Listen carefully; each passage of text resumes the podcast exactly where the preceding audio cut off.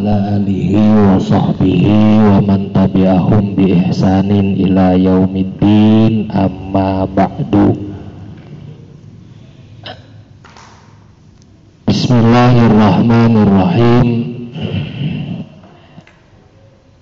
Alhamdulillah puji syukur kepada Allah Subhanahu wa taala yang senantiasa memberikan kita semua rahmatnya serta hidayah taufiknya kepada kita sehingga kita semua bisa berkumpul kembali bermuajahah dalam acara rutinitas pengajian pemuda yang mudah-mudahan semua yang datang di sini mendapatkan berkah dari Allah Subhanahu wa taala ditambah-tambah tentang ilmunya ditambah-tambah pengetahuannya.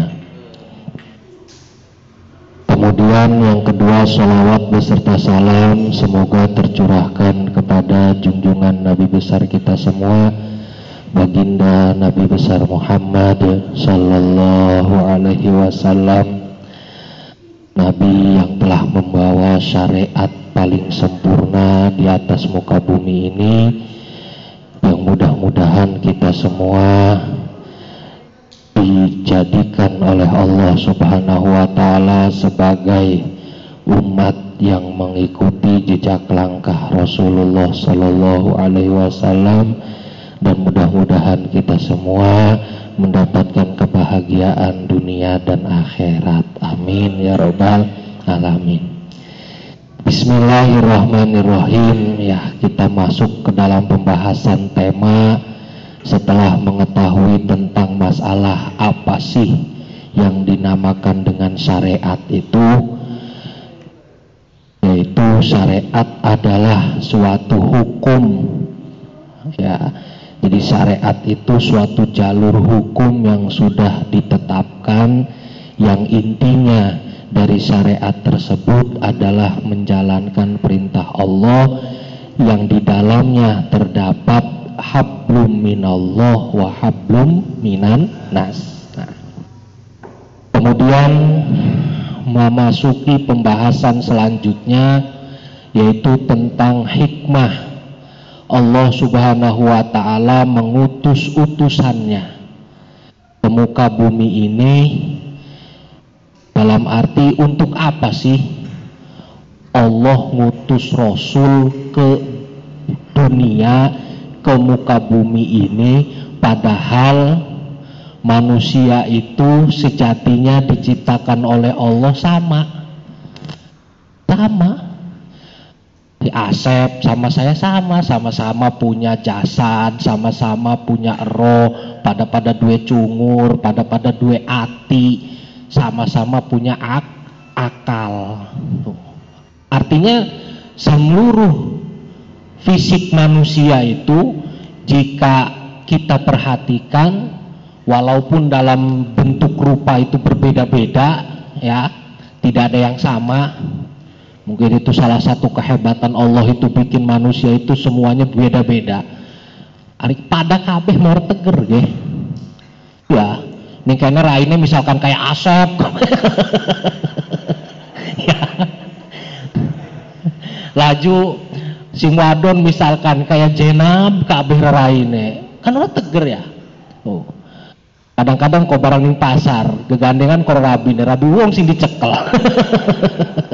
Karena apa? Karena sama. Oleh karena itu hebatnya Allah Subhanahu wa taala dalam segi penciptaan makhluk pun semuanya berbeda. Tapi ada tapinya dalam segi isi manusia itu semuanya sama. Ya, walaupun nanti ada pengecualian lah. Oh, non ya. Tangan diberikan dua, kaki dua, kemudian di kepala ada punya rambut semua kabeh pada. Ya kemudian punya akal. Nah, untuk apa sih Allah menciptakan ros Rasul? Wis bae ari mengkonon ma ari pada mengkonon wis bae akal dah pada kabeh kon. Ya, nah bismillahirrahmanirrahim. tentang pembahasan hikmah diutus Rasul ini dari zaman dahulu, yaitu ya ini sudah masuk dari zaman dulu pun sudah banyak orang yang membahas tentang ini, ya, yang membahas tentang diutusnya Rasul itu fungsinya untuk apa. Dan dari kebanyakan itu ada juga orang-orang yang berpikiran melenceng karena pemahaman-pemahamannya, pemikiran-pemikirannya itu pendapat-pendapatnya dianggap nyeleweng. Dan bagi orang-orang yang diberikan hidayah oleh Allah Subhanahu wa taala bisa mengetahui tentang hikmah diangkatnya utusan oleh Allah Subhanahu wa taala di muka bumi ini.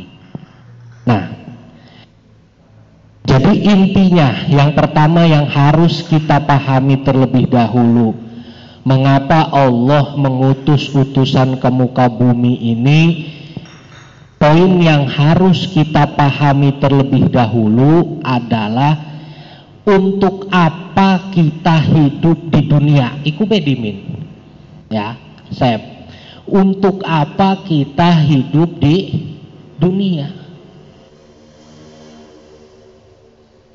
Kenapa saya ngobrol baik ini ngaji ngobrol. Jadi kita hidup di dunia ini kalau menurut para pemikir-pemikir yang yang hatinya dibukakan oleh Allah yaitu cahaya pengetahuan orang hidup ning dunia. Uh gona nonggoni apa sih? Nonggoni mati. Ya kan? Orang urip ning alam dunia ngan cuma nonggoni kemati kematian sehebat apa Fir'aun sehebat apa pun sing aran Raja Namrud wayahe mati mati kabeh. Ya. Sehebat apa pun Asep dua ilmu kanuragan bisa ngilang orang tedas dibacok segala macam mati wayah mati mah karena orang hidup di dunia itu yang ditunggu cuma mati. Makanya dalam sebuah hadis disebutkan kamu itu sedang tidur. Ketika kalian mati baru bang bangun. Artinya apa? Yang namanya kehidupan itu adalah hidup kita di dunia ini lir ibarat jalan Jalan menuju apa? Jalan menuju kehidupan yang disebut hidup abadi. Oleh karena itu, banyak para pemikir-pemikir pada zaman dulu, ya, banyak yang menganggap bahwa ketika sudah habis kehidupan, asni, ketika sudah habis kehidupan, ya udah berarti Swiss beres jadi muatan manusia itu asal dari tanah kembali ke ke tanah. Dan sudah habis amaliyahnya tidak ada lagi amal-amal yang lain.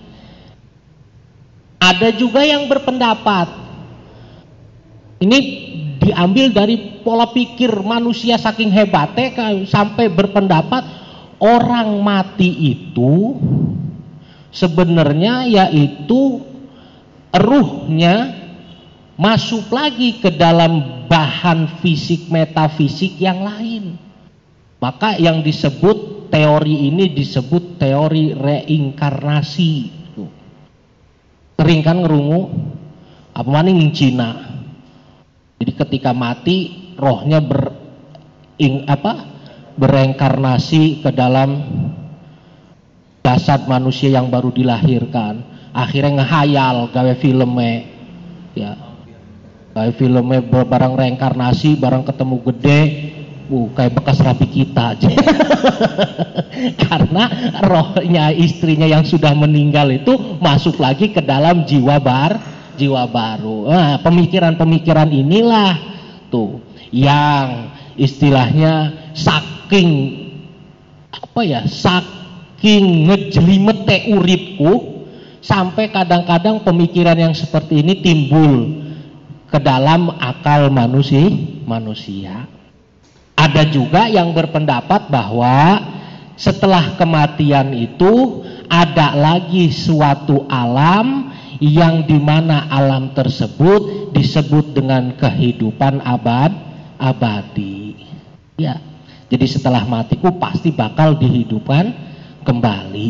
Nah. Dari mana pemikiran ini timbul? Ya supaya paham.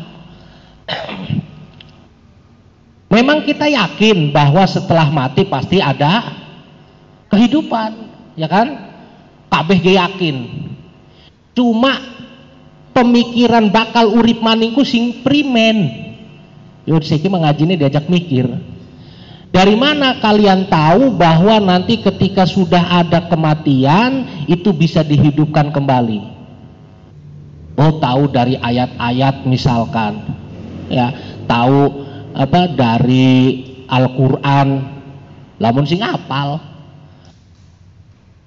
Lamun sing ora apal, weruhe sing di weruhe pepiluan doang. Nah, itulah sing diarani bahwa ilmu pepiluan itu dan alhamdulillah tentang masalah akidah di luar akidah mah ilmu pepiluanku dianggap cuk cukup wis sing penting pepiluan baik jerek kiai entas mati anak urip bani ya wis milu kita mah adapun pemikirannya kok bisa hidup lagi ya nggak tahu ya kan nah maka dari itu dalam pengajian sesi malam ini kita bahas bersama kenapa dalam kehidupan itu ada setelah kematian kita hidup kembali. Bismillahirrahmanirrahim. Bahwa ketika kita memakai akal kita, saya ngaji nih akal karena ngaji filsafat itu pasti urusan urusan akal. Ketika kita menggunakan akal kita yang murni dalam artian wis saiki mah diajar mikir wis tinggalkan dulu pikiran-pikiran istilahnya pikiran-pikiran yang tidak ada sangkut pautnya sekarang kita fokus terlebih dahulu Bismillahirrahmanirrahim. Bahwasanya apabila kita menggunakan akal yang sehat dan kita dapat berpikir di dalam gerak gerak kehidupan serta hiruk pikuknya hidup ini ya di dalam kehidupan dan hiruk pikuk kehidupan ini pasti nanti akan kita temukan pasti nanti akan kita capai penemuan ilmiah keilmuan kita bahwa seluruh amal manusia Pasti ya, seluruh amaliyah manusia itu tidak ada yang nganggur sedikit pun. Dalam artian tidak ada yang sia-sia yang dilakukan oleh manu, manusia.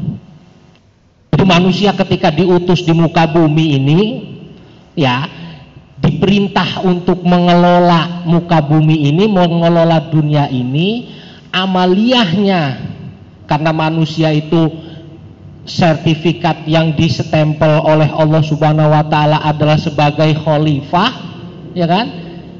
Ini jailung fil ardi khalifah. Sebagai khalifah maka apa pun pekerjaan amal yang dilakukan oleh manusia itu semuanya tidak akan sia si tidak akan sia-sia sama sekali. Nah, sekarang oleh karena itu karena amaliyah yang kita lakukan pasti harus ya pasti pasti tidak akan tersia-siakan di dalam kehidupan dunia ini. Maka berarti kalau ada amal yang belum beres yang belum beres yaitu balasannya ketika kita hidup di dunia maka nanti akan dibalas di kehidupan yang lain. Karena tadi itu ketika kita mati ya kan kalau amal kita amal kita ini belum beres di dunia tentang beberapa balasan atau beberapa keputusan-putusan dari amal tersebut baik-baik maupun buruk ketika hidup di dunia berarti ketika kita mati amaliyah yang belum beres ini pasti nanti akan diterus diteruskan. Ya supaya mikir be diminki contoh nih contoh. Bahwa dari zaman dulu syariat baik itu syariat samawiyah ataupun syariat-syariat yang dapat dibikin dari seluruh-seluruh tiap-tiap zaman bukan hanya sekarang bukan hanya sekarang. Dari zaman dulu yang namanya syariat yang baik itu syariat langit maupun syariat buatan manusia itu pasti menetapkan. Artinya pasti menetapkan yaitu wajibnya menetapkan kewajiban balasan bagi orang-orang yang melakukan perbuatan kejahatan contoh ya jadi sing zaman bengen tuh baik itu para raja-raja zaman dulu pasti memutuskan yaitu suatu hukum di alam dunia ini kalau misalkan si A melakukan perbuatan buruk maka harus di di apa? Maka harus di dihukum ya. Nah, wis itu pun yang terjadi di dun di dunia. Ya, kalau tak ajar mikir be diminkin mengaji nih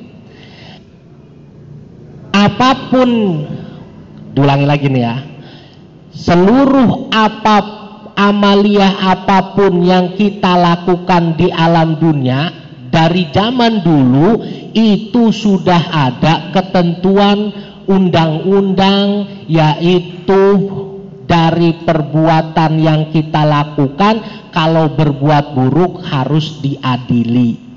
Kalau perbuatan itu baik maka harus menerima balas balasan. Ya. dari zaman dulu. Dari zaman Fir'aun bahkan dari zaman dulu. Jadi kalau harus ber, kalau berbuat buruk harus di diadili kalau perbuatan itu baik maka harus menerima balas balasan. Karena apa? Karena setiap amal manusia yang dilakukan itu tidak boleh sia-sia. Tidak boleh ada sia-sia. Misalkan kita melakukan melakukan apa pun, tidak ada yang namanya sia-sia di di alam dunia ini. Nah, pun ke.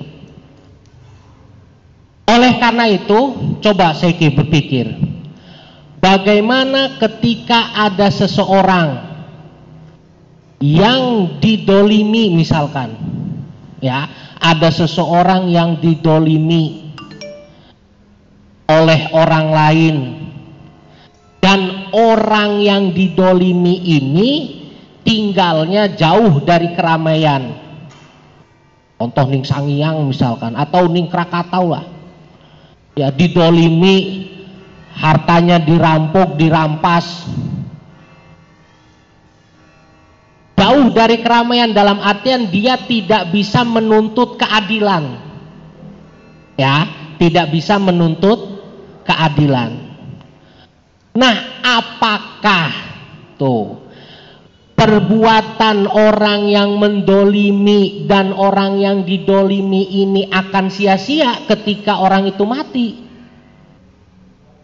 tidak akan pasti suatu saat pasti harus ada balasan. Baik itu kalau berbuat baik harus ada balasan baik, kalau berbuat buruk harus ada balasan keburukan juga. Tuh. Oleh karena itu,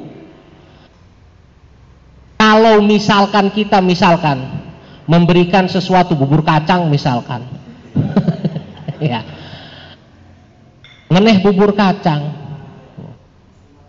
ning asep misalkan, barang jari ACP atur nuhun ya ngan kita mau orang bisa ngebalas apa-apa misalkan. Tidak bisa membalas apa-apa. Nah, apakah pekerjaan saya yang istilahnya memberikan bubur kacang iku sia-sia? Karena si Asep orang bisa ngebales?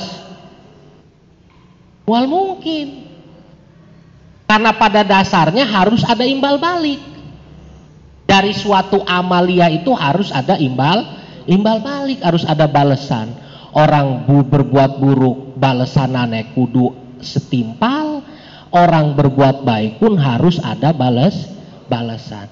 Nah, kalaupun misalkan ketika kita mati misalkan wis beres, lah ke apa-apa, berarti amaliah kita di dunia ini tidak ada hasilnya sama se sama sekali nol besar. Maka dari itu pasti ada suatu hari atau ada suatu alam atau ada suatu tempat di mana seluruh amaliah itu akan dibales oleh siapa? Oleh oleh raja yang bisa menghakimi seluruh amal manusia manusia. Oh, no. Jadi orang mungkin wong mati jadi bebatang be, tidak mungkin. Berarti lelakon kita ngeneh bubur kacang ning asep kan lah kebalasan aneh. Ya, Padahal ketika di dunia pun ketika kita misalkan didolimi oleh orang yaitu kita minta menuntut bal balas. Ya menuntut balas. Kok malah mampu mah. Iku bae lagi ning dun lagi di dunia. Tuh.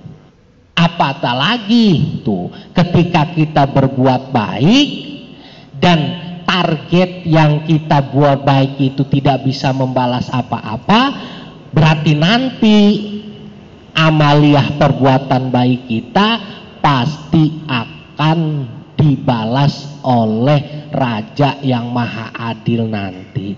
Jadi di situlah kenapa ada hidup setelah mat mati. Dan di hidupnya pun dikatakan hidup yang abadi. Ya, al hayatul abadiyah, hidup yang kekal. Nah,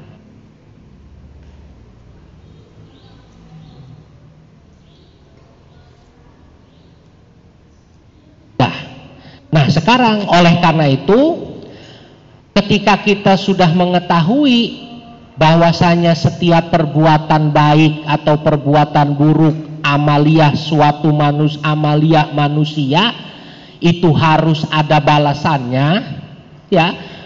Ketika kita, kita sudah mengetahui setiap tingkah laku pola kehidupan manusia itu pasti ada balasannya maka tuh seluruh balasan itu tidak akan mampu dilakukan. Pasti ya.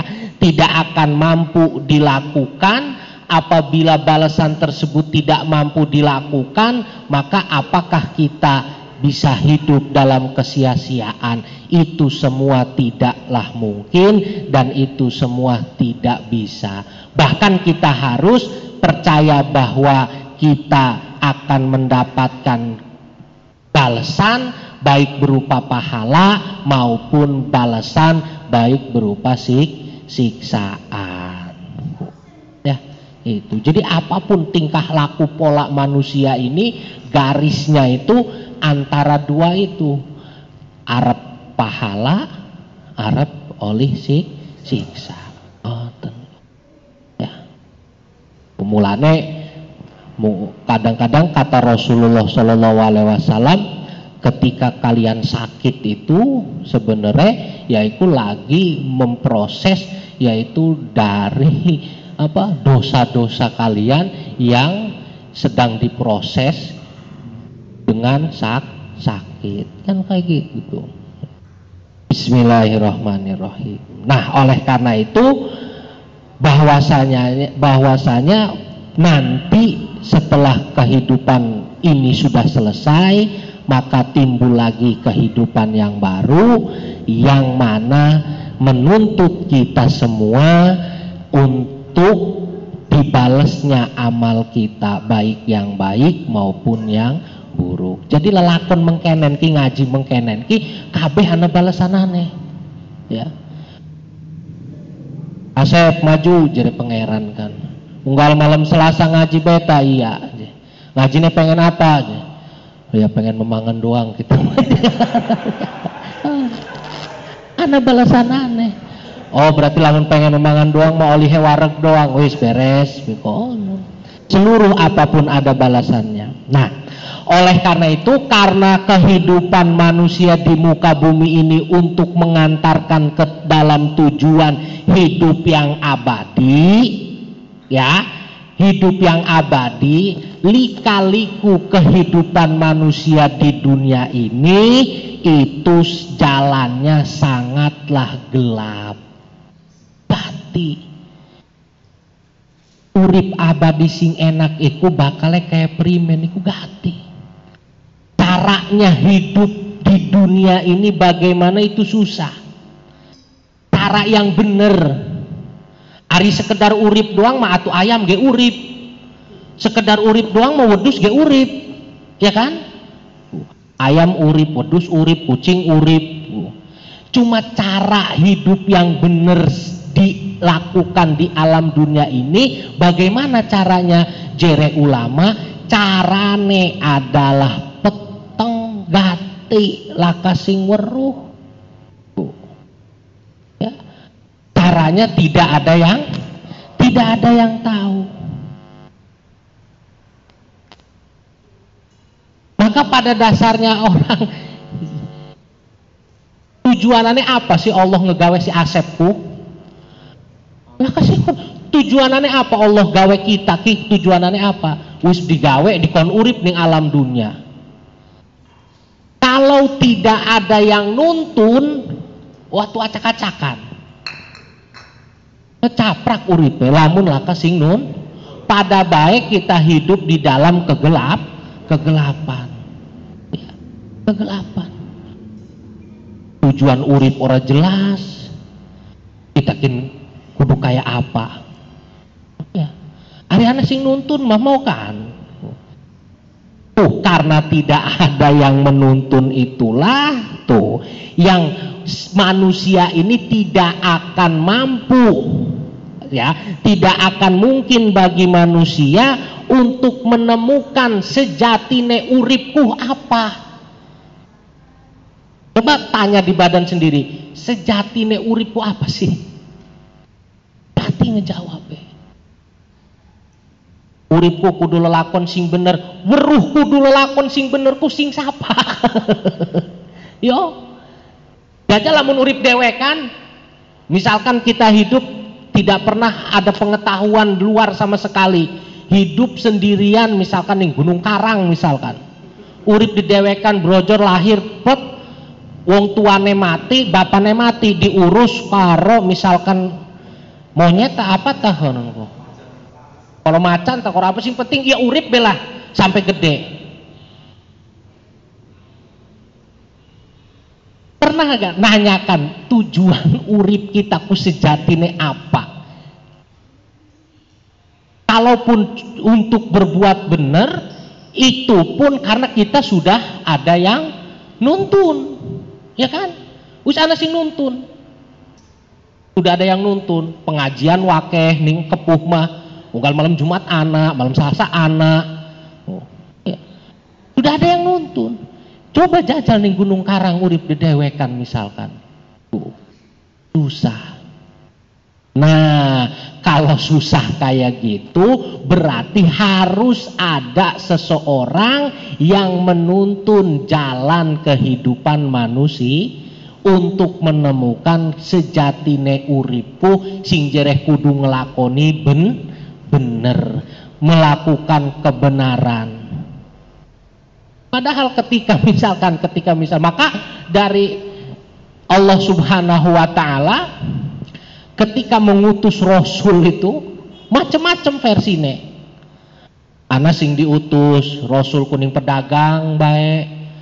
Karena pada masa tersebut misalkan perekonomian lagi jalan maka disebutakan wailul lil mutaffifin. Alladzina idaktalu alan nasiyas taufun wa idza awazanuhum yuk sirun. Ada rasul lagi yang diutus kepada kaumnya sing kaumnya kulanang jing demen koro lanang. Diutus Nabi Lut ya untuk mengutus. Supaya apa? Membenarkan. Ari lanang maju demenan koro lanang gak orang enak. Ngadu arep ngadu gitu ya. Macam-macam Rasul itu diutusnya oleh Allah Subhanahu Wa Taala dari semenjak Nabi Adam sampai datang ke Nabi Muhammad Shallallahu Alaihi Wasallam. Untuk apa tujuannya tadi itu? Untuk mengobori ketika kita hidup di dunia ini agar tahu tujuannya, agar tahu yaitu mau ke mana kita hidup di alam dunia ini. Itu.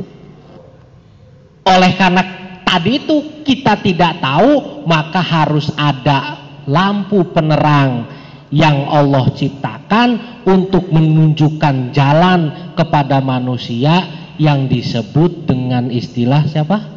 Para para rasul. Jadi para rasul itu tugasnya oleh Allah Subhanahu wa taala ditugaskan ku gua ngebebener manusia yang tadi gelap gulita peteng kayak mengkonon. Bayangakan zaman jahiliyah. Lah primen orang peteng ketika ditinggal oleh Nabi Isa alaihi salam sampai ke Nabi Muhammad sallallahu alaihi wasallam. Jaraknya berapa ratus tahun? 500 tahun jaraknya. Tidak diutus sampai-sampai mengkultuskan. Laya batu di pahat dewek. Di kalungi emas emasnya dua dewek mending lamun waktu nekon tuku emas mah emas emas dewek dipahat dewek, dikalungi dewek, disembah dewek.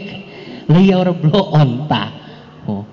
Iya lamun lamun bisa berpikir malah ya emas emas kita, iya kan? Oh. Sing mahat kita tuh nege kudu nege sira sing megawe gua kita. ya, oh. saking petenge, maksudnya saking petenge. Maka wajar jere kanjang Nabi disebutakan al ulama warosatul ambia. Tugasnya ulama itu apa sih? Tugasnya ulama itu satu tadi itu meneruskan perjuangan jejak para rasul membawa apa? Lam lampu. Cuma mau kan ulama ke? Anak sing padang lampune anak sing redup-redup. Oh, bukan kita meredup-redup berarti pada nyasar kabeh sirage atau apa ya. Anak sing redup lampune anak sing lampune warna hijau anak sing lampune warna putih anak sing warna kuning. Ya arene gawa damar oh ya. Itu maka dari situlah Allah Subhanahu wa taala mengutus seorang utus utusan. Nah dari semenjak Nabi Adam sampai kepada Nabi Rasulullah Sayyidina Muhammad Sallallahu alaihi wasallam. Nah, tapi nah, oleh para ulama ki supaya weruh. Rasul yang diutus pertama kali oleh Allah itu jere ulama adalah Nabi Nuh alaihi salam. Ya, hari kita menguruhi siapa aja? Nabi Ad, Nabi Adam. Rasul yang pertama kali diutus ke umat itu adalah Nabi Nuh alaihi salah. Karena paling keren. Leia Nabi Adam diutusnya kepada siapa? Anak-anaknya atau kurang keren. Padane kuma ngasuhan ngasuh anak.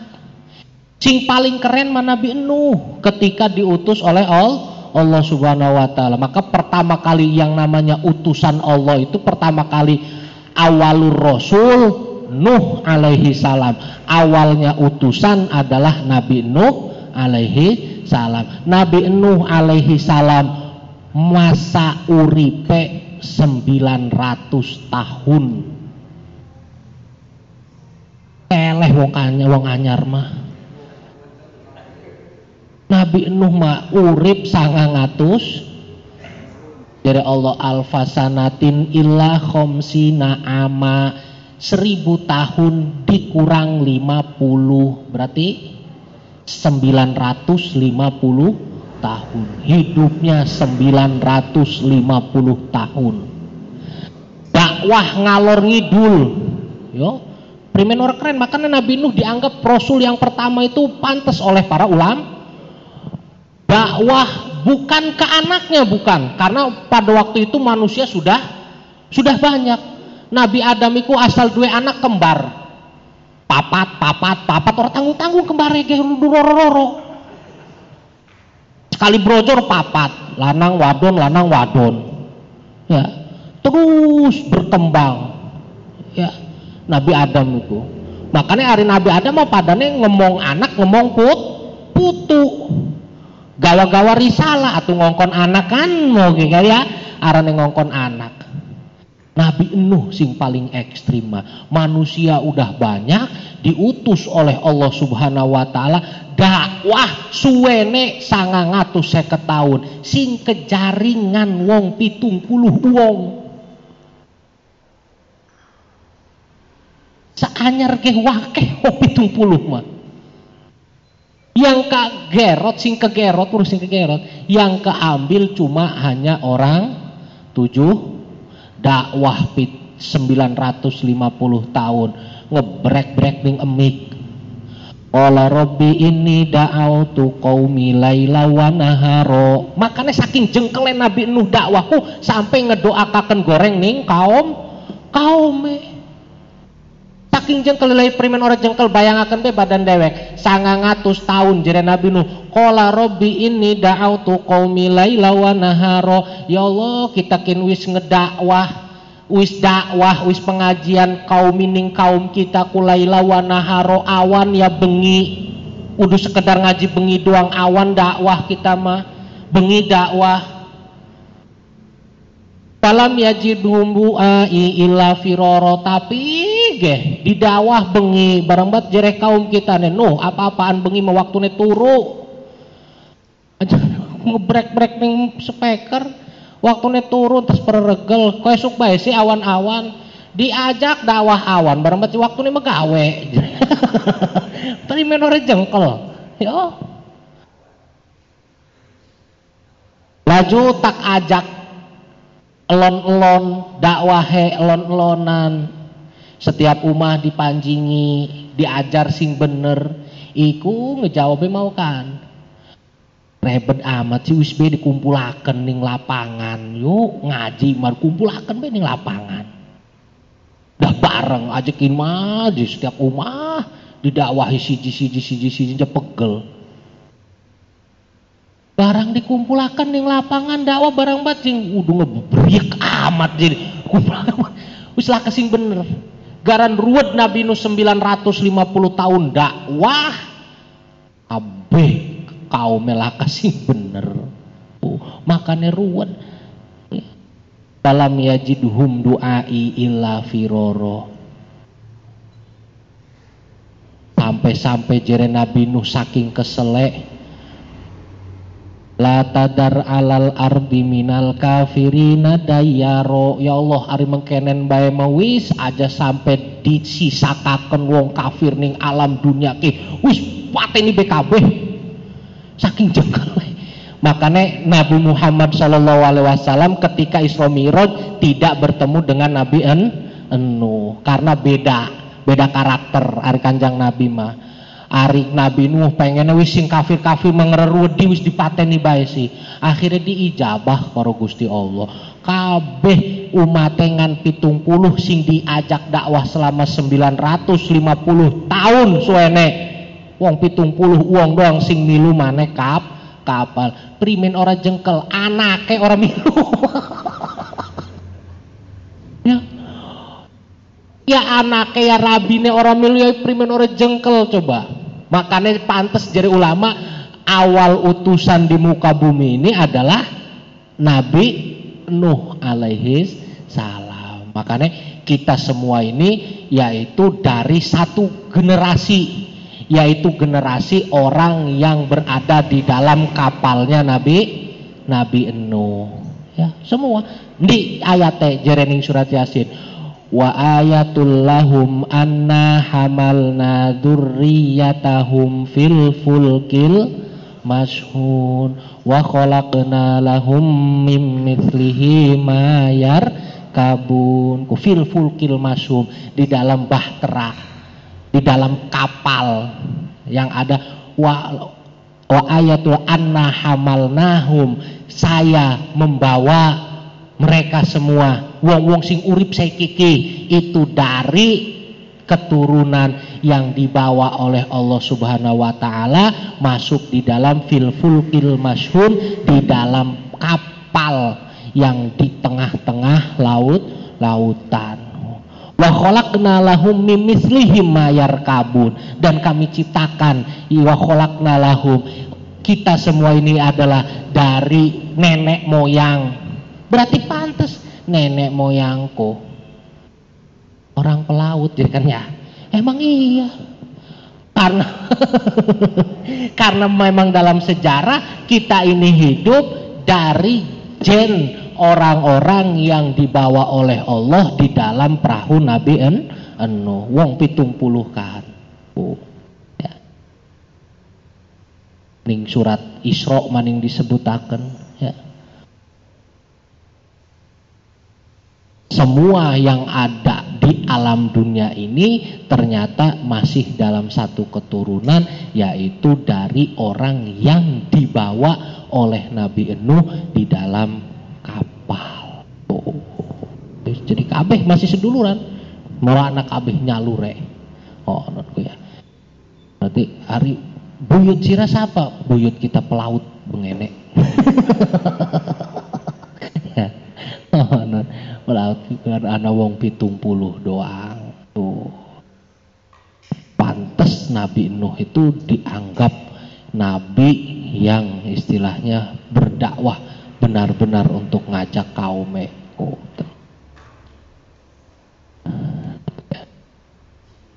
wa mimman hamalna ma'anuhin jadi Allah dan orang-orang yang kami bawa ma'anuhin beserta Nabi Nabi Nuh alaihi salam nah bismillahirrahmanirrahim. Oleh karena itu tadi itu ya balik lagi bahwa Rasul diutus itu sebenarnya tugasnya ya tadi itu untuk membenahi jalan kehidupan manu, manusia. Karena tadi karena gelapnya kehidupan di alam dunia ini itu susah sekali untuk istilahnya untuk dilalui tanpa adanya seorang pembimbing tidak akan bisa dilalui tanpa adanya seorang pembimbing. Nah, oleh karena itu dicontohkan, ya, dicontohkan lagi Jerening Riki. Kami berikan contoh gambaran untuk penambahan penjelasan kepada kalian, cepe niriki. Dicontohkan misalkan ada suatu raja yang menambahkan penyebaran perluasan area ya raja kih misalkan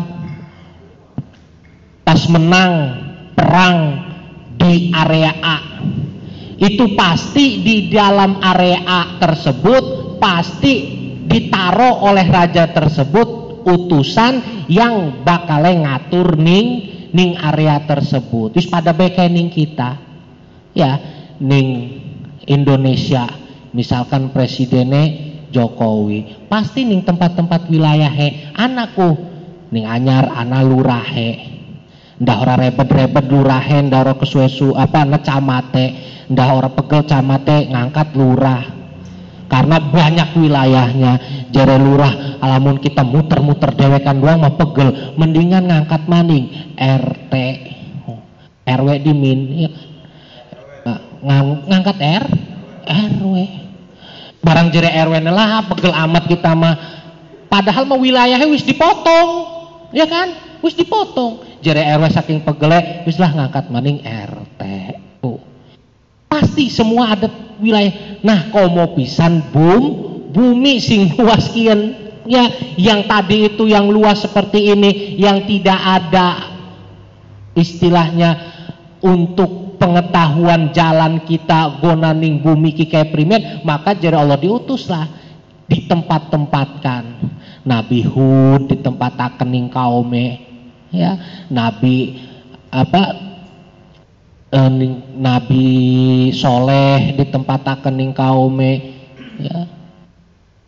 Semua ditempatkan di kaum kaumnya masing masing-masing. Maka syariat zaman dulu itu bahwa tidak boleh Nabi ketika ditempatkan Rasul ketika ditempatkan misalkan ning anyar ke ya ikut syariat zaman dulu. Itu orang oleh ngajak-ngajak wong serang tidak boleh karena sudah ada tugasnya masing masing-masing orang ikut campur oh ternyata maka zaman Nabi dulu mah, nabi-nabi zaman dulu itu sering bertemu dengan nabi yang lainnya. Contoh Nabi Musa. Nabi Musa ketemu dengan Nabi Har Harun. Nabi Musa pernah juga ketemu dengan Nabi Su Su'eb yang jadi siapa?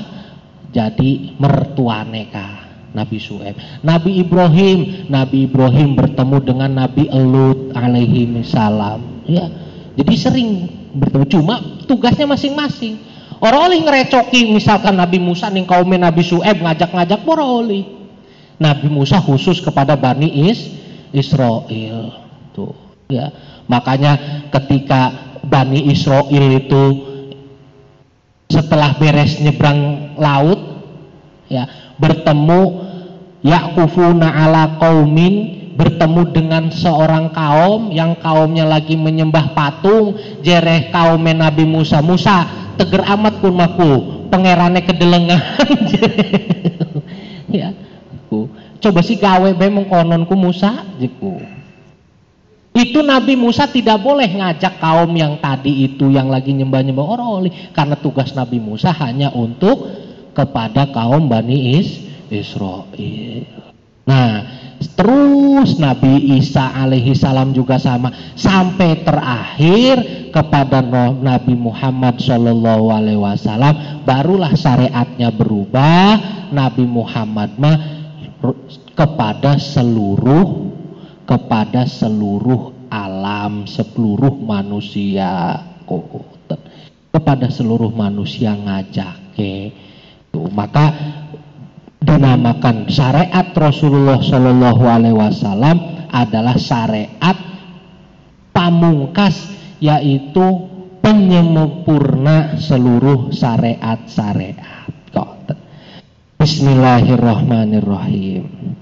Nah, maka wis ya jadi dari situlah.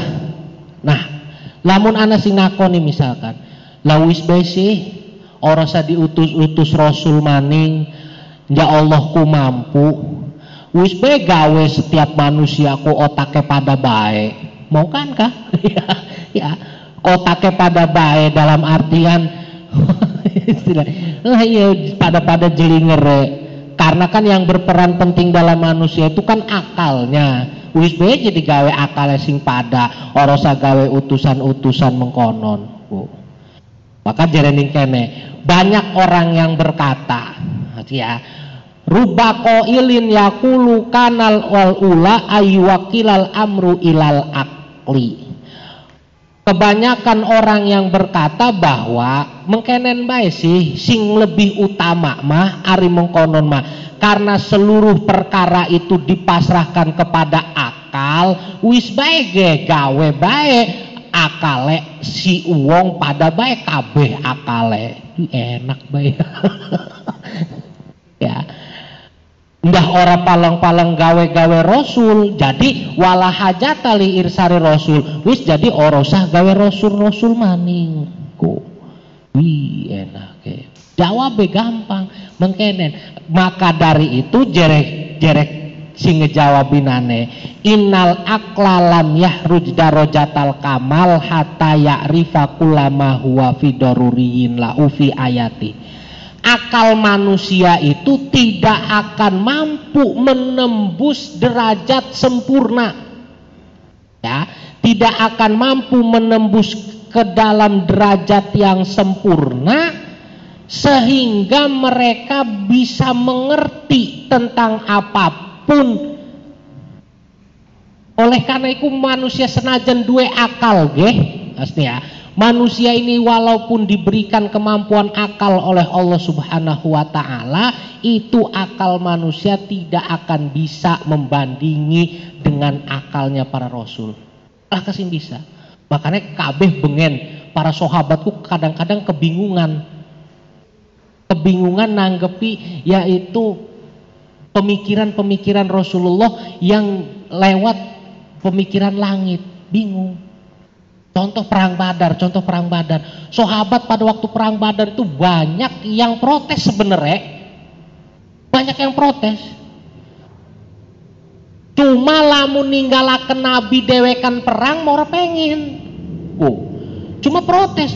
Masa iya perang wong telunga terus ngelawan sewu primen gua Rasul punya ciku. Barang jere kanjang Nabi lamun sira ora gelem ora apa-apa, kita dewekan ge ora apa-apa, mungkin mah perintah sing pangeran. Laju jadi sahabat, ari dewekan makanjang nabi, oh ya orang bisa kita kudu milu. Senajan orang masuk akal, senajan orang mancing akal, gitu kita mau kudu milu jadi sahabatku. Kita mau pengen kayak Bani Israel, si ngomong jereh ning Bani Israel mah ning Nabi Musa, Musa atau sirabe sing perang mah kita medodok, sirabe koro pangeran, wih kita mau pengen mengkonon. Ku jereh sahabat ning Rasulullah, senajan ora masuk akal ke, wis iki mah istilah wis nganter-nganter nyawa apa ya nganter-nganter nyawa apa ta? Wong telu ngatus ngelawan wong sew sewu. Kadang-kadang orang masuk akal. Ya. Jadi akal sahabat itu masih belum bisa menerima lelakon-lelakon ilahiyah yang disebutakannya yaitu lelakon nabawiyah yang dilakukan oleh Rasulullah Shallallahu Catar tapi karena hebatnya sahabat memanut wonge. Ya wis yuk perang tak ini perang. Ya wis perang-perang yuk perang-perang. Anak sih ngomong yuk ngantarakan nyawa be jiko. Sida takin perangnya sida yo wis mati bareng-bareng wis ora apa-apa sing penting karo ros Rasul ku hebatnya sahabat ku. Senajan mati bareng guys sing penting karo Rasul. Maka ketika perang Badar itu Rasulullah SAW dijaga oleh para sahabat berada di belakang. Sing maunya sahabat ngegerunek baik ikut sida atau perangkin. Iki perang apa ngantarakan nyawa doang? Oh, ya. sampai diabadikan kening Al-Quran kening juz 4 kan. Iki perang apa ngantarakan nyawa doang diriku kadang-kadang akal nubuah akal kita ini tidak sanggup menerima derajat sempurnanya akal-akal nab kenabian kadang-kadang kata banyak yaitu perilaku-perilaku istilahnya sifat nabawi, sifat-sifat kenabian itu yang tidak bisa diterima oleh akal kita yang yang kecil ini. Oleh karena itu karena akal tidak mampu, maka tidak ada jalan lain kudu ada orang pilihan-pilihan Allah yang diutus oleh Allah Subhanahu wa taala untuk makanya Rasul itu benar-benar pilihan. Asep ngedoa awan bengi pengen jadi Rasul gati orang bakal bisa. Senaja ngedoa ya Allah jadikanlah saya ini sebagai utusanmu. Mual bisa. Wis pilihan niku mah singkanane jalur wis anak. Cuma bedanya ya tinggal ngutus-ngutus sebe kapan-kapan nih Oh, ya sudah ada pilihan. Jadi senajan tirakat patang puluh bengi patang puluh dina orang mangan-mangan sep mual bakal bisa jadi nabi mah mual. Oh, ya karena harus ditutup maning. Oh, satu udah ditutup. Mungkin lamun sebelum ditutup mah ya bisa baik kononku. Berhubung kin harus ditutup pintu pendaftaran. Jadi nabi harus ditutup. Hmm. Gue lagi wis ditutup ya kadang-kadang anak bae sing nyalon. Ya anak bae sing nyalon pun sampai acak-acakan padahal wis ditutup. Ya kan banyak yang terjadi. Sampai masuk berita pengen tenar doang. Ya. Eh, musadek segala macam kan anak si tukimin.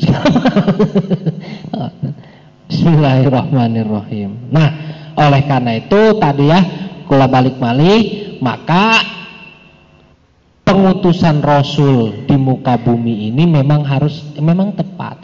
Dalam artian satu untuk pembimbing manusia kepada jalan yang benar supaya manusia nanti balik lagi kepada tempat yang sejatinya karena manusia ki asalnya ke kabeh sing sur surga kabeh cuma berhubung lama tinggal di dunia kadang-kadang kangen surganya hilang oh no, no ya. Kangen kangennya hilang maka dibimbing lagi oleh para utusan oleh para rasul oh ya. Dengan cara metode syariat yang berbeda-beda satu sama lain hingga kepada Rasulullah Shallallahu Alaihi Wasallam.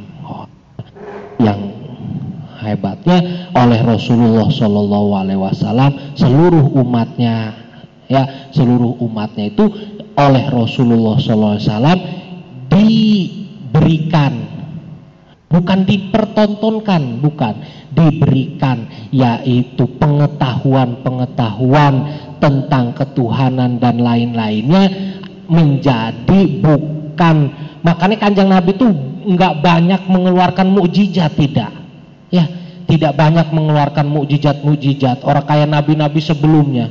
Ya wa ma nursilu bil ayati illa angkadzaba bihal awalun kata Allah kami ini tidak mengutus suatu utusan kata Allah kepada nabi itu kami tidak mengutus suatu utusan dengan tanda-tanda mukjizat kecuali Subhanahu wa taala ketika mengutus Nabi Muhammad mah yaitu mempelajari umat-umatnya dengan menggunakan strategi yang paling jitu yaitu dengan akal manusia itu. Makanya mujizat terbesar Rasulullah SAW adalah Al-Qur Al-Quran. Mujizat Nabi Musa tongkat Nabi Musa tongkat kayak ya iku sekarang sudah tidak ada. Dalam artian tidak ada apa? Senajan anak nege dicekel koro asep ngegebuk-gebuk pengaradan atau mau belah-belah. Sampai tongkatnya pecah geser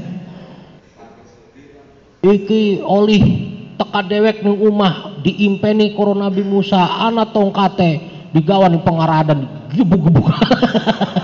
Mual bakal pecah mual.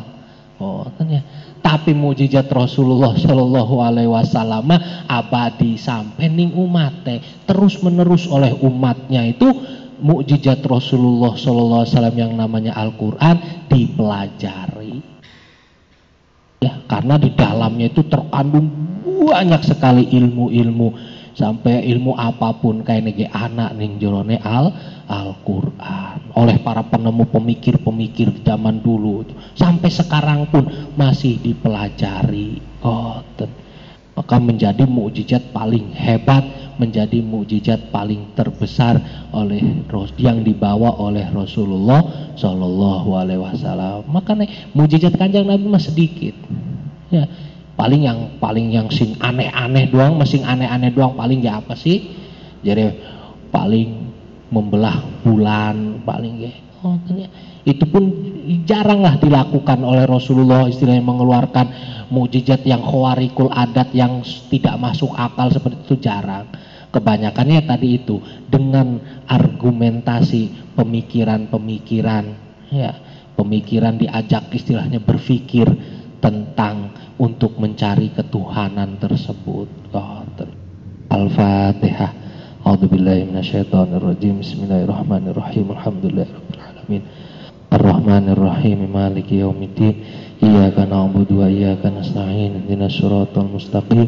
Siratal an'amta 'alaihim ghairil maghdubi 'alaihim waladdallin. Bismillahirrahmanirrahim. Nah ya, jadi intinya tadi itu karena kita semua tidak akan bisa memasrahkan apa pun dengan akal kita. Kita tahu bahwa ini baik, ini buruk, itu semua dari bimbingan-bimbingan para rasul. Oh, ya, dari bimbingan rasul. Weruh kelakuan ini baik, kudu dilakoni, itu tidak semerta-merta dari akal banyaknya yaitu dari bimbingan-bimbingan Rasul sudah pada tidak ada diturunkan ilmu-ilmunya kepada para generasi ulam ulama. Ke nabi kemudian sahabat. Sahabat punya murid lagi punya murid lagi namanya tabiin. Tabiin punya murid lagi punya murid lagi namanya tabiin tabiin. Tabiin tabiin punya murid lagi punya terus sampai disingkat namanya ulam ulama. Tadi itu. Nah, maka buah pemikiran Islam pada zaman dulu itu memang benar-benar ya, memang benar-benar hebat. Sampai-sampai ada pemikiran Mu'tajilah, ada pemikiran ahli sunnah, ada pemikiran macam-macam Syiah segala. Masih Islam mau cuma karena tadi itu yang diajarkan oleh Islam itu kon berpikir ya, supaya berpikir belum timbullah yaitu dari pemikiran-pemikiran hebat tersebut. Ada golongan yang namanya Mu'tajilah golongan Mu'tajilah datang lagi golongan anu golongan anu sampai saiki Islam mah wakil golongan aneh ya NU baik eh dipecah mana karena sing garis lurus garis miring garis bengkok wakil golongan aneh ya pu masya Allah terus di timbulkan dari mana? Dari pemikir, pemikiran. Madhab begini lumbuk madhab. Ya, madhab. Untuk apa? Karena tadi itu disatukan pemikiran tersebut ya oleh para imam-imam yang handal, maka dijadikanlah sebuah madhab misalkan. Ya, udah ngarang madhab pun. Imam Syafi'i ngarang madhab Syafi'i yang dilakukan, yang digunakan oleh pengikut-pengikut sapi udah oleh ngarang dewek udu ngambil ilmunya dari mana dari Al-Quran saripatine terus makanya kadang-kadang Imam Malik Imam Syafi'i berbeda dengan gurunya Imam Malik padahal gurunya juga umat nah itu terus menerus seperti itu itu terus menerus turun temurun turun temurun sampai sekarang itu ya. Makanya timbul lagi pemikiran karena zaman itu pasti nggak mandek di situ nggak mandek di situ. Ya, muncul lagi muncul lagi. Oh, oh, bengen mora kepikiran hukumnya ya kan? Barang ketika zaman baru lagi uh bagaimana ini? Jana mengkenenkin primen hukum kin. Nah, ya? Nah timbul lagi timbul lagi seperti itu. Nah, bengen mora kepikiran lampu pun bisa jadi Quran. Berarti primen nih oleh orang macan yang gue wudukin nih HP kan, di HP kan, itu kan lampu, ya kan, lampu jadi Al-Quran, jadi tulisan.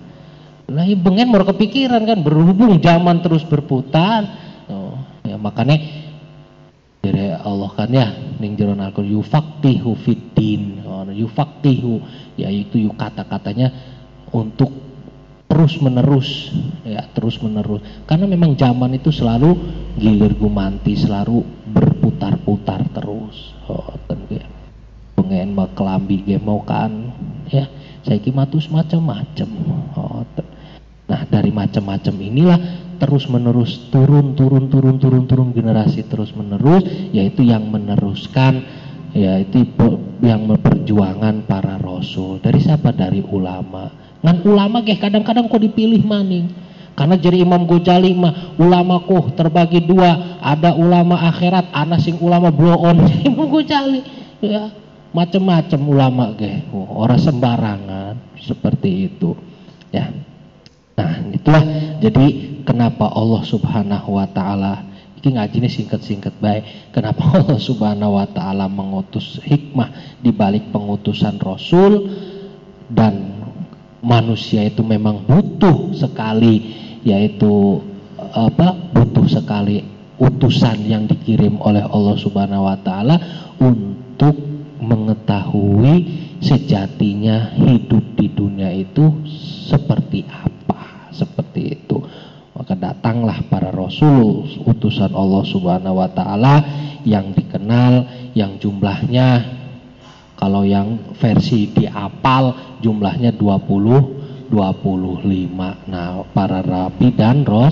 rasul. Tapi rasul-rasul yang lainnya selain 25 itu banyak jumlahnya. Bahkan nabi nabi itu diceritakan dari ulama-ulama banyak yang berpendapat bahwa jumlahnya nabi adalah 124 ribu orang. Jumlahnya rasul adalah 313 orang. Jumlahnya nabi dan rasul 25 20. Berarti banyak zaman dulu itu, ya. Itu. Tapi semuanya sudah ditutup ketika ditutup oleh khotamul ambia wal mursalin ditutup oleh Rasulullah Shallallahu alaihi wasallam. Jadi lamun asep-asep ngaku jadi nabi ditaleni baik Humus ditutup pendaftaran aneh ngaku-ngaku kemarin yang ngaku-ngaku. Ini kusaslah pengawasan aneh betul usah sampai sipeng-sipeng. Mudah-mudahan menambah wawasan kula sedanten tentang hikmah-hikmah di balik seluruh ibadah kepada Allah Subhanahu wa taala. Mungkin nanti dilanjut lagi. Mudah-mudahan kita semua diberikan kesehatan oleh Allah Subhanahu wa taala dan diberikan kebukanya keberkahan oleh Allah Subhanahu wa taala. Walafu minkum. Wassalamualaikum warahmatullahi wabarakatuh.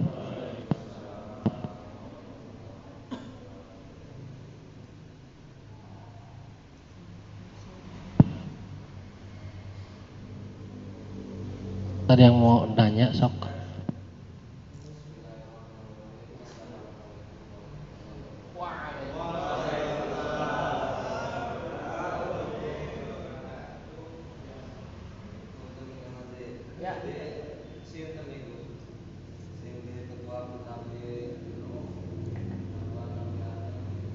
Maksudnya?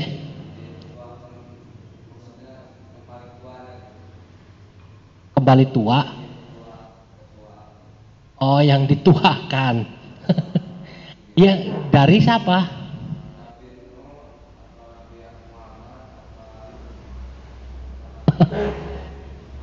oh, dari segi fisik, harusnya Nabi Adam itu memang makhluk manusia pertama di muka bumi. Ya, dalam segi fisik, Nabi Adam itu manusia pertama yang diutus oleh Allah Subhanahu wa taala ke muka bumi ini. Ya. Dan diangkat jadi rasul. Memang diangkat jadi rasul cuma tugasnya kepada anak-anaknya karena belum ada manusia. Sing pertama uangku ya Nabi Adam koro rabine. Masa Nabi Adam diutus ke muka bumi menjadi utusan untuk para binatang kan orang tegar tegar maksudnya untuk para manusia siapa manusianya? Ya anak-anak anak-anaknya. Nabi Idris. Terus Adam kan siapa? Adam Idris. Nabi Idris keenak-enakan ning surga. Dalam cerita ya. Tidak sibuk mengembankan risalah malah tinggal ning sur surga. Makanya cerita di dalam cerita banyak tuh ceritanya ada yang menceritakan Nabi Idris itu. Jadi Nabi warofa'nahu makanan aliyah katanya. Warofa'nahu dan kami angkat. Ya. Bahkan Nabi Idris itu diceritakan dalam salah satu cerita saking orang pengen tinggal ning bumi maning sampai-sampai sendale ditinggalakan ning surga barangkon metu wingko sendale ketinggalan. Digegelatilah sedang luasnya surga. Ya, makanya itulah sebuah sekedar cerita. Memang ada cerita-cerita yang yang versi macam-macam tentang Nabi Idris. Nabi entas Nabi Idris Adam Idris Nuh. Nah Nabi Nuh inilah yang udah keren. Jadi dakwahnya bukan ke anak putu bukan. Ya ke manusia manusia itu walaupun memang jalurnya semua orang itu dari Nabi Ad masih saudara tetap ya. Makanya setiap nabi diutus kepada kaumnya ya. Diutus kepada ka, kaum. Berarti dalam artian kaumnya itu masih ada ikatan saudara sebenarnya mah gitu. Masih ada ikatan saudara Ya Nabi Adam kalau dalam segi fisik yang dituakan mah karena orang pertama di bumi Nabi Adam. Lamun Asep mah atau Asep kabeh. ya, gitu. Makanya Nabi Adam itu yang pertama kali diturunkan ditugaskan oleh Allah untuk mengatur khalifah di muka bum, bumi. Nabi Adam, saya kalau Rasul pertama yang versi ulama itu Nabi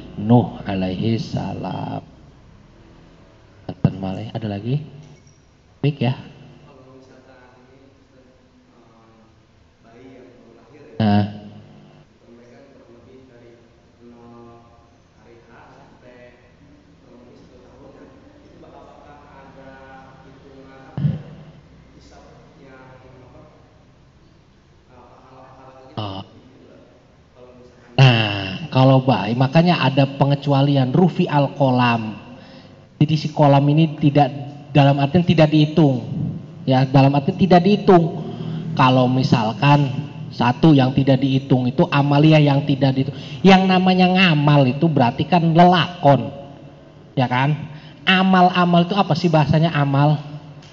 Amal itu berarti pekerjaan pekerjaan itu ada yang tidak dihitung. Satu pekerjaan yaitu waktu masih bayi. Karena amaliahnya ketika bayi mah bukan istilahnya pekerjaanannya pun makanya bayi ma'arif sholat Taurat karena tadi itu belum dihitung.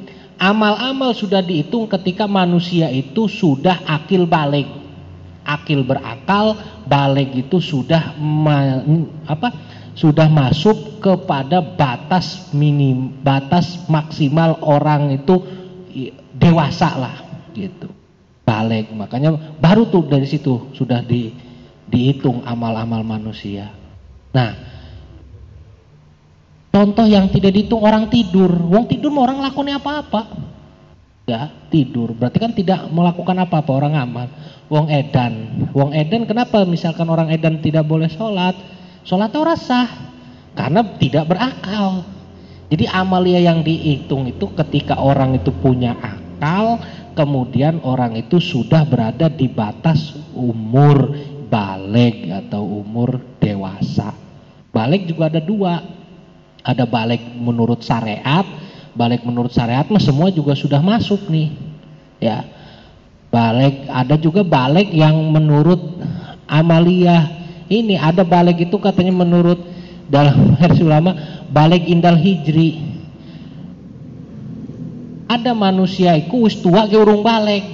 Pernah ngurung ngomong konon? Wis tua ke urung balik anak. Wis tua aja ngadu ayam. Kan berarti urung balik. Ya. Hari menurut syariat memang wis balik. Tapi menurut apa ya? Menurut amalia dalam lelakon uripe tetap dikatakan belum dewasa gitu tuh. Senajan wis tua. Tapi dalam ilmu fikih balik itu udah ada batasannya. Wong lanang lamun wis ngaceng iku wis balik. Kononku ya iku. Wis balik. Kudu sholat. Ya, sep. Apa mana wis demen wadon? Aja ngaku-ngaku orang balik sep. Oh, ya laki-laki sudah bimpi, apa bermimpi udah itu pokoknya wis balik keciri uang sing wis balik mah oh tapi ya kiri oh ten saya tentunya Hah?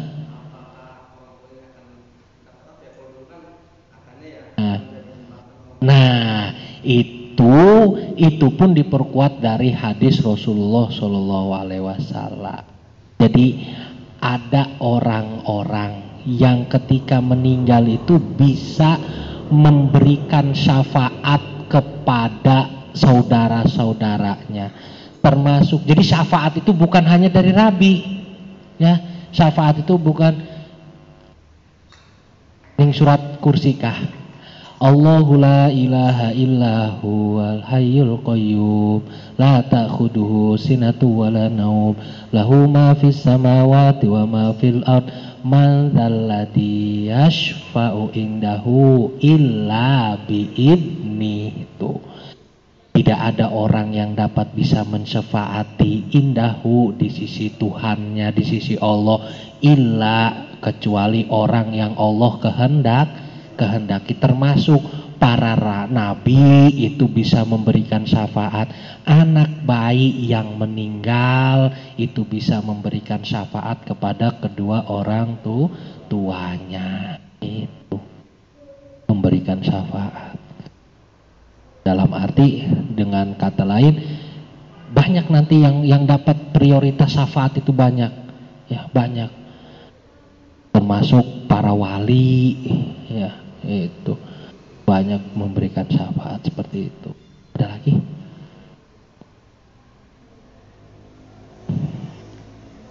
Nah, langsung doa be. Amin ya rabbal alamin. Bismillahirrahmanirrahim. Alhamdulillahirabbil alamin. Hamda yuafi ni'amahu wa yukafi'u mazidah ya rabbana lakal hamdu kama yanbaghi li jalali wajhikal karim wa adhim sultanik. اللهم صل على سيدنا محمد صلاة تنجينا بها من جميع الأحوال والآفات تقضي لنا بها جميع الحاجات وتطهرنا بها من جميع السيئات وترفعنا بها عندك عن الدرجات وتبلغنا بها أقصى الغايات من جميع الخيرات الآيات بعد الممات إنك على كل شيء قدير اللهم لا مانع لما أعطيت ولا معطي لما منعت ولا رد لما قضيت ولا ينفع ذا الجد منك الجد اللهم لا مضل من والهادي من أضر مشكل سد من أسقط والمعز من اللهم دنا لما أمتنا واغفر لنا بما ضمنت من خير الدنيا والآخرة وقوي إيماننا ويقيننا وانصرنا على أعدائنا في الظاهر والباطن وأسألك اللهم بما سألك بخلقك إبراهيم عليه السلام من القوة واليقين وما سألك بسيدنا مولانا محمد صلى الله عليه وسلم من نصرة الفقيرين ربنا آتنا في الدنيا حسنة وفي الآخرة حسنة وقنا عذاب النار وصلى الله على سيدنا محمد وعلى آله وصحبه وسلم سبحان ربك رب العزة عما يصفون وسلام على المرسلين والحمد لله رب العالمين بسم الله الرحمن الرحيم سبحانك اللهم wa bihamdika ashadu an la ilaha illa anta astaghfiruka wa tubu ilaih Allah